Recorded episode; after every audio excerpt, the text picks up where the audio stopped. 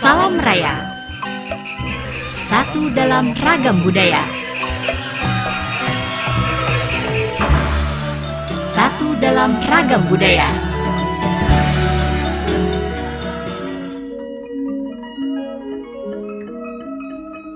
Sahabat edukasi, saat berada di jalanan, Eka dan Darin mendengar musik gamelan yang mengalun lembut dari arah bangunan keraton di seberang jalan, yang menimbulkan rasa penasaran mereka. Sontak, mereka ingin mendatangi sumber suara itu. Ya, Keraton Sumenep tentu lekat dengan Kabupaten Sumenep. Mari kita mengenal lebih dekat bangunan cagar budaya Keraton Sumenep dari Madura. Selamat mendengarkan. Ternyata segar ya Rin, jalan-jalan di Madura siang-siang gini. Di kota belum tentu kita bisa dapat menikmati suasana seperti ini. Ah, biasa aja. Ini sih nggak ada sejuk-sejuknya. Yuk, kita ke tempat lain saja. Padahal di Sumenep ini lumayan sejuk loh dibandingkan wilayah lainnya. Eh, tunggu Rin. Dengerin deh. Suara apa ya itu? Dari mana ya? Oh, itu kan suara gamelan. Sepertinya datang dari arah bangunan tua itu. Kita ke sana yuk. Ayo, aku jadi penasaran nih. Sahabat edukasi, Kabupaten Sumenep adalah sebuah kabupaten di Provinsi Jawa Timur, terletak di ujung timur Pulau Madura. Di Kabupaten Sumenep begitu banyak sekali potensi wisata seni dan budaya. Salah satu wisata budaya yang ada di Sumenep, sahabat edukasi bisa temukan di Desa Pajagalan, letaknya tidak begitu jauh dari pusat kota Sumenep. Jaraknya sekitar 200 meter. Di Desa Pajagalan banyak terdapat bangunan bersejarah. Salah satunya adalah Keraton Sumenep. Keraton Sumenep terletak di Jalan Dr. Sutomo nomor 1, Kelurahan Pajagalan, Kecamatan Kota Sumenep, Kabupaten Sumenep, Provinsi Jawa Timur. Keraton Sumenep juga ditetapkan sebagai situs cagar budaya Kabupaten Sumenep yang diperkirakan dibangun pada tahun 1762 oleh Raja Sumenep ke-31 yang bernama Panembahan Sumolo. Tak heran kalau Keraton Sumenep dikenal sebagai satu-satunya bangunan keraton yang masih berdiri kokoh dan utuh di Provinsi Jawa Timur. Lebih jelasnya, kamu akan tahu dari Pak Riananta, salah satu pemandu museum Keraton Sumenep. Pak Rian, mau tanya dong. Bagaimana sih sejarah pembangunan Keraton Sumenep? Baik, Keraton Sumenep sendiri itu merupakan satu-satunya bangunan keraton yang masih utuh di Provinsi Jawa Timur yang dibangun pada tahun 1762 oleh Raja Sumenep yang ke-31 yang bernama Penembahan Sumolo atau Hasiruddin dan arsitekturnya berasal dari Cina yang bernama Lau Piango. Beliau memang sengaja didatangkan dari Cina untuk membantu menyelesaikan pembangunan keraton Sumenep beserta bangunan Masjid Agung Sumenep. Katanya bentuk bangunan keraton ini bukan hanya mengandung satu unsur budaya aja ya Pak? Kalau bentuk bangunannya itu merupakan unsur perpaduan dari berbagai daerah. Suatu contoh kan arsitekturnya Lau Piango yang memang didatangkan dari Cina. Jadi yang sangat menonjol pembangunan keratonnya itu kecinaannya yang sangat menonjol. Tapi tidak menutup kemungkinan juga Eropanya juga sangat menonjol. Jadi merupakan suatu perpaduan dari negara Cina, Eropa, Thailand waktu itu juga ikut membantu Sumenep sendiri. Jadi ada beberapa perpaduan dari bangsa lain dari daerah luar. Wah, kayak akam budaya sekali ya Keraton Sumenep.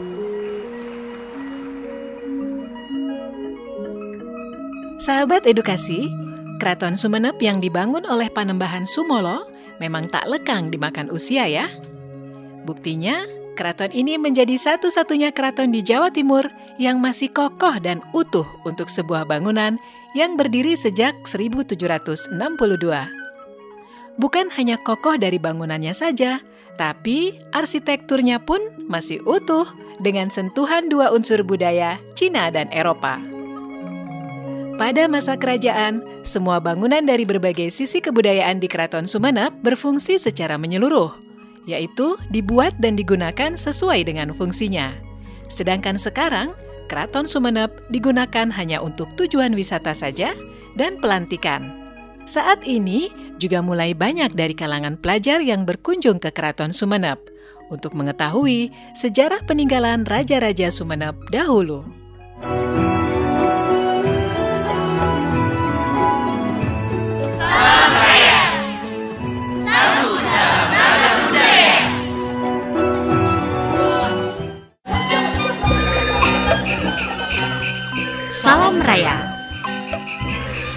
Dalam ragam budaya Satu dalam ragam budaya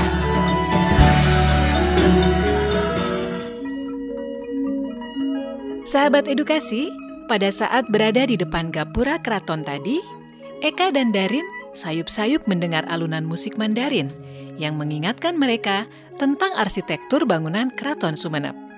Sehingga menambah rasa penasaran mereka pada seni bangunan dan tata ruang dari keraton Sumeneb.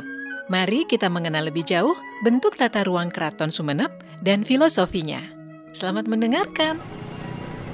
Eh Rin, lihat gapura keraton itu deh. Wah, keren.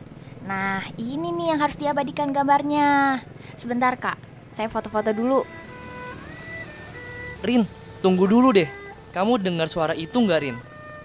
Kamu ingat kan apa kaitannya musik Mandarin itu sama gapura keraton ini? Ih, apa sih? Aku kan mau foto. Sudah deh. Lagian kan memang gapura keraton Sumeneb ini yang buat orang keturunan Tionghoa. Jadi wajar aja ada musik-musik Mandarin gitu. Iya, makanya aku penasaran banget Rin sama bentuk tata ruang dan makna filosofi yang terkandung dari setiap bangunan keraton Sumeneb ini. Sudah ah, aku mau masuk duluan saja ke dalam keraton. Dah Darin. Ah, Eka tunggu. Sahabat edukasi, Kompleks Keraton Sumeneb didirikan di atas lahan seluas 28.000 meter persegi atau sekitar 8,5 hektar yang dibangun menghadap selatan dan terletak di sebelah timur alun-alun Kabupaten Sumeneb. Tata letak bangunan Kompleks Keraton Sumeneb secara umum dibagi menjadi 12 bangunan, yaitu Balai Roto, Gedong Loteng, Labang Mesem, Gedong Koneng, Dalam Keraton Lama, Taman Sari, Pendopo, Mandioso, Dalam Ageng, Kantor Raja, Rumah Lonceng, dan tempat penjagaan. Masing-masing dari setiap tata letak bangunan tersebut difungsikan berbeda dan memiliki makna filosofinya tersendiri. Lebih jelasnya, kamu akan tahu dari beberapa narasumber berikut ini. Pak Riananta, salah satu pemandu Museum Keraton Sumeneb, dan Pak Sufianto, Kepala Dinas Pariwisata Kebudayaan, Pemuda dan Olahraga, Kabupaten Sumeneb. Pak Rian, mau tanya dong, bagaimana sih alur kunjungan di Keraton Sumeneb? Pertama yang didatangi itu adalah Museum Lokasi 1 yang di mana lokasi satu dulu itu digunakan tempat garasinya kereta kencana. Setelah setelah selesai dijelaskan di lokasi pertama, pengunjung itu kita pandu untuk masuk ke lokasi kedua yang di mana jalur aksesnya itu melewati pintu gerbang utama yang dinamakan Labeng Misem. Labeng itu artinya pintu, bahasa Maduranya itu labeng itu pintu. Misem itu tersenyum bahasa Maduranya. Jadi pintu tersenyum. Jadi pengunjung itu kita pandu le- melewati pintu tersenyum tersebut untuk menuju ke lokasi kedua yang di mana lokasi kedua itu kantor koneng kantornya raja sekarang digunakan untuk penyimpanan barang-barang raja untuk lokasi kedua kita pandu lagi untuk menuju ke lokasi ketiga yang di mana lokasi ketiga tersebut merupakan rumah penyepen rumah dari raja yang diguna yang sekaligus rumah tersebut digunakan untuk menyepi Me- penyepen itu menyepi atau meditasi raja tersebut namanya adalah Bindero Saud dengan gelar Tumenggung Tirtonegoro raja yang ke-30 setelah menguasai mengetahui lokasi ketiga rumah penyepen, pengunjung sudah cukup puas. Saya sebagai guide biasanya mengajak pengunjung tersebut untuk berkunjung ke lokasi keempat, yang di mana lokasi keempat itu adalah keraton. Terus kalau nilai filosofi dari Keraton Sumenep itu dilihat dari apanya ya Pak Sufi? Kita tahu bahwa Keraton Sumenep itu adalah pusat peradaban, pusat kebudayaan, pusat kesenian, pusat pemerintahan, pusat perekonomian. Nah, mereka akan e, menggali apa yang mereka bisa dapat terkait dengan pusat-pusat-pusat itu tadi. Salah satu contoh kalau berbicara pusat e, peradaban di Keraton Sumenep, e, ketika mau masuk ke keraton, kita harus misalnya di pintu senyum itu selalu ramah kepada orang, menyambutnya dengan baik. Nah, itu. Sahabat edukasi, Keraton Sumeneb memang mengandung nilai filosofi yang tinggi. Contohnya, keraton yang menghadap ke selatan ke arah hamparan pantai Laut Madura dimaknai bahwa pemimpin harus berwawasan luas seperti lautan. Satu pendopo di Keraton Sumeneb juga diartikan sebagai mandapa yang dalam bahasa Madura berarti rendah hati, dan dimaknai bahwa menjadi seorang pemimpin itu harus tetap rendah hati dan merakyat. Semoga nilai-nilai filosofi tadi bisa dijadikan pedoman hidup oleh masyarakat ya.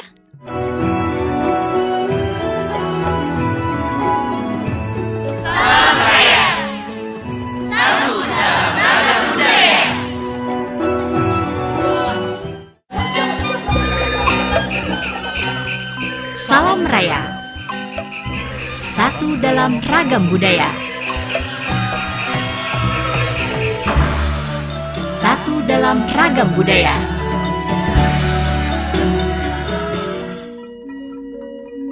Sahabat edukasi, saat berada di depan sebuah masjid yang lokasinya berdekatan dengan Keraton Sumeneb, Eka dan Darin mendengar azan yang mengingatkan mereka untuk segera melaksanakan ibadah sholat lima waktu.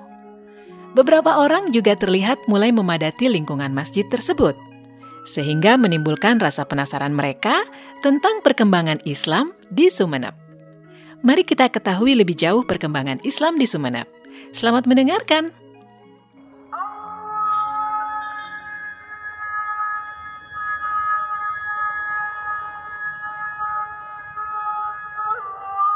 Rin, denger azan gak? Duh, jam berapa ini? Belum sholat lagi. Iya, denger kok. Tapi kok aku malah penasaran ya sama perkembangan Islam di sini. Duh, sudah. Lebih baik kita sholat dulu, baru mikirin hal itu.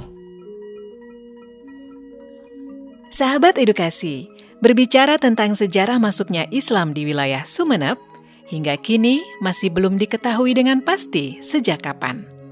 Selain waktu yang masih belum diketahui, metode masuknya Islam ke Sumeneb pun masih menjadi perdebatan. Untuk melihat perkembangan Islam di Sumeneb, juga bisa dikaitkan dengan adanya bukti dari arsitektur bangunan Keraton Sumeneb. Di mana bangunan tersebut bukan hanya menonjol budaya Cina dan Eropa saja, tapi unsur budaya Islamnya juga ada di dalamnya. Lebih jelasnya, sahabat edukasi akan tahu dari Pak Sufianto, Kepala Dinas Pariwisata Kebudayaan Pemuda dan Olahraga Kabupaten Sumeneb. Pak Sufi, mau tanya dong, ada kaitannya nggak sih masuknya Islam di Sumeneb dengan Keraton Sumeneb dan Masjid Agung ini?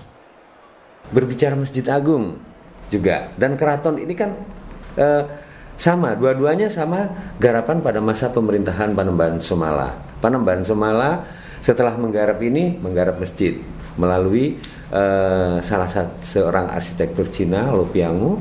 Nah, mereka akan dapat beberapa hal di sana.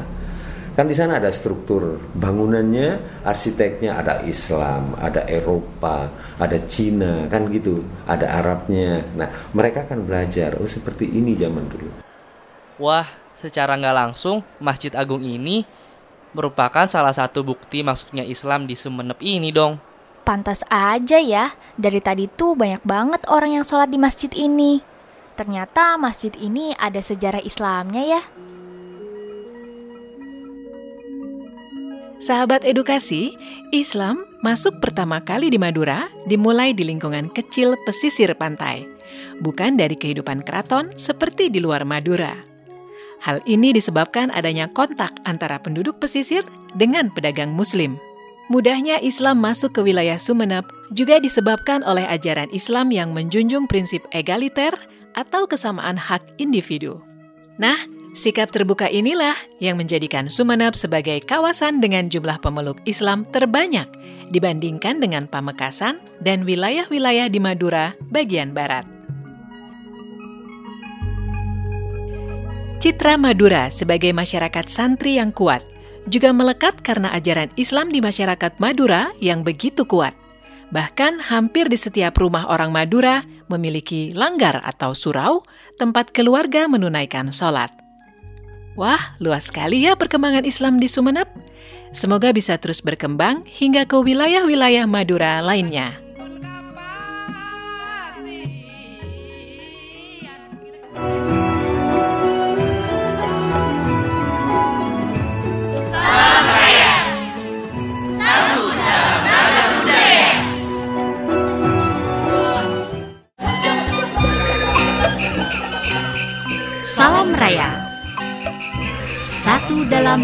budaya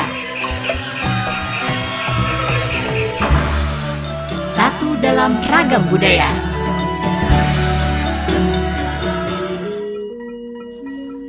Sahabat edukasi, saat berada di kawasan Keraton Sumeneb, Eka dan Darin terpesona dengan lingkungan dan bangunan Keraton Sumeneb yang terlihat asri dan terawat sehingga menimbulkan rasa penasaran mereka untuk menemui juru ahli yang berada di Keraton Sumeneb. Mari kita mengenal lebih dekat pelestarian dan dampaknya bagi pemanfaatan serta pengembangan cagar budaya di Keraton Sumeneb. Selamat mendengarkan. Sejuk banget ya lingkungan keraton Sumeneb ini. Lihat Derin, bangunan keratonnya saja bersih dan terawat. Iya ya, nyaman banget. Kira-kira bagaimana ya cara melestarikannya? Hmm, kita cari tahu yuk. Kita tanya saja langsung ke ahlinya. Yuk ah, cus! Ayo. Sahabat edukasi, keberadaan cagar budaya tentunya akan tetap utuh dan tak lekang oleh usia bila dilestarikan dengan baik dan benar. Pelestarian adalah upaya dinamis untuk mempertahankan keberadaan cagar budaya dan nilainya dengan cara melindungi, mengembangkan, dan memanfaatkannya. Pelestarian juga bertujuan untuk melestarikan warisan budaya bangsa, meningkatkan harkat dan martabat bangsa, memperkuat kepribadian bangsa, meningkatkan kesejahteraan rakyat, serta mempromosikan warisan budaya bangsa kepada masyarakat internasional. Lebih jelasnya, sahabat edukasi akan tahu dari Pak Riananta, salah satu pemandu Museum Keraton Sumeneb, Pak Sufianto, Kepala Dinas Pariwisata Kebudayaan Pemuda dan Olahraga Kabupaten Sumeneb, dan Pak D. Zawawi Imron, salah satu budayawan terkenal di Kabupaten Sumeneb. Pak Sufi, mau tanya dong, bagaimana sih keraton Sumeneb ini dilestarikan? Jadi karena ini potensi kita berbicara keraton Sumeneb, salah satu keraton yang menjadi cikal bakal Majapahit juga, kemudian Nusantara dan satu-satunya keraton di Jawa Timur yang masih kokoh utuh berdiri 1762 itu.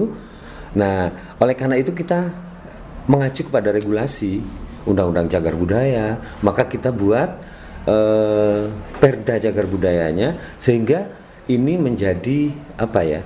eh, regulasi untuk heritage-nya, untuk pelestariannya. Nah, itu upaya kami yang pertama harus kita lestarikan dulu.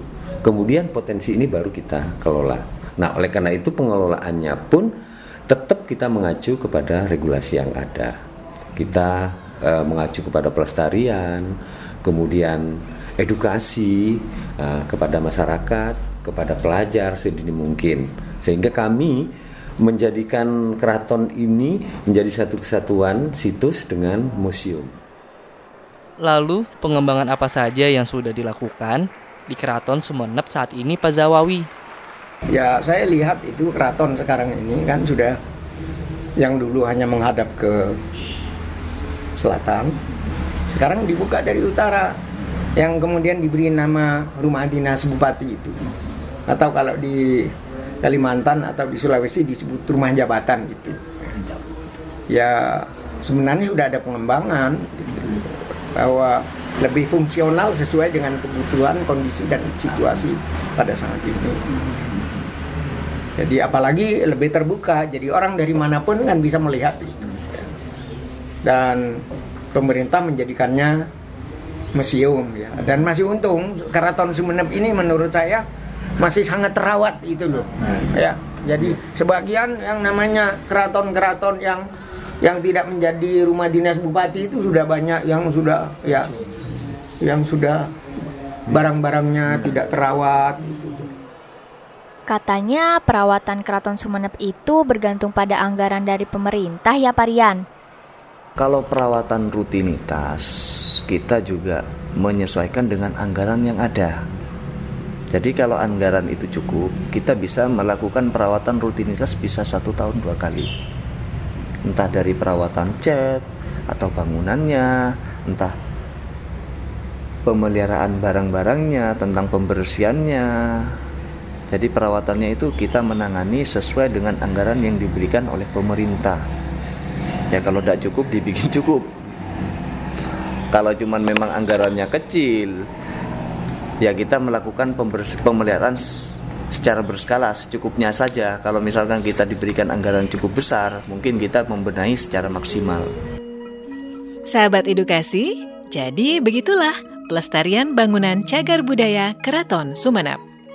Bukan hanya mengacu pada regulasi yang ditetapkan, tetapi Keraton Sumeneb juga selalu mengadakan sosialisasi dan promosi untuk meningkatkan daya tarik pengunjung. Tak heran jika Keraton Sumeneb menjadi destinasi wisata utama di Kabupaten Sumeneb yang masih berdiri kokoh dan terawat hingga saat ini.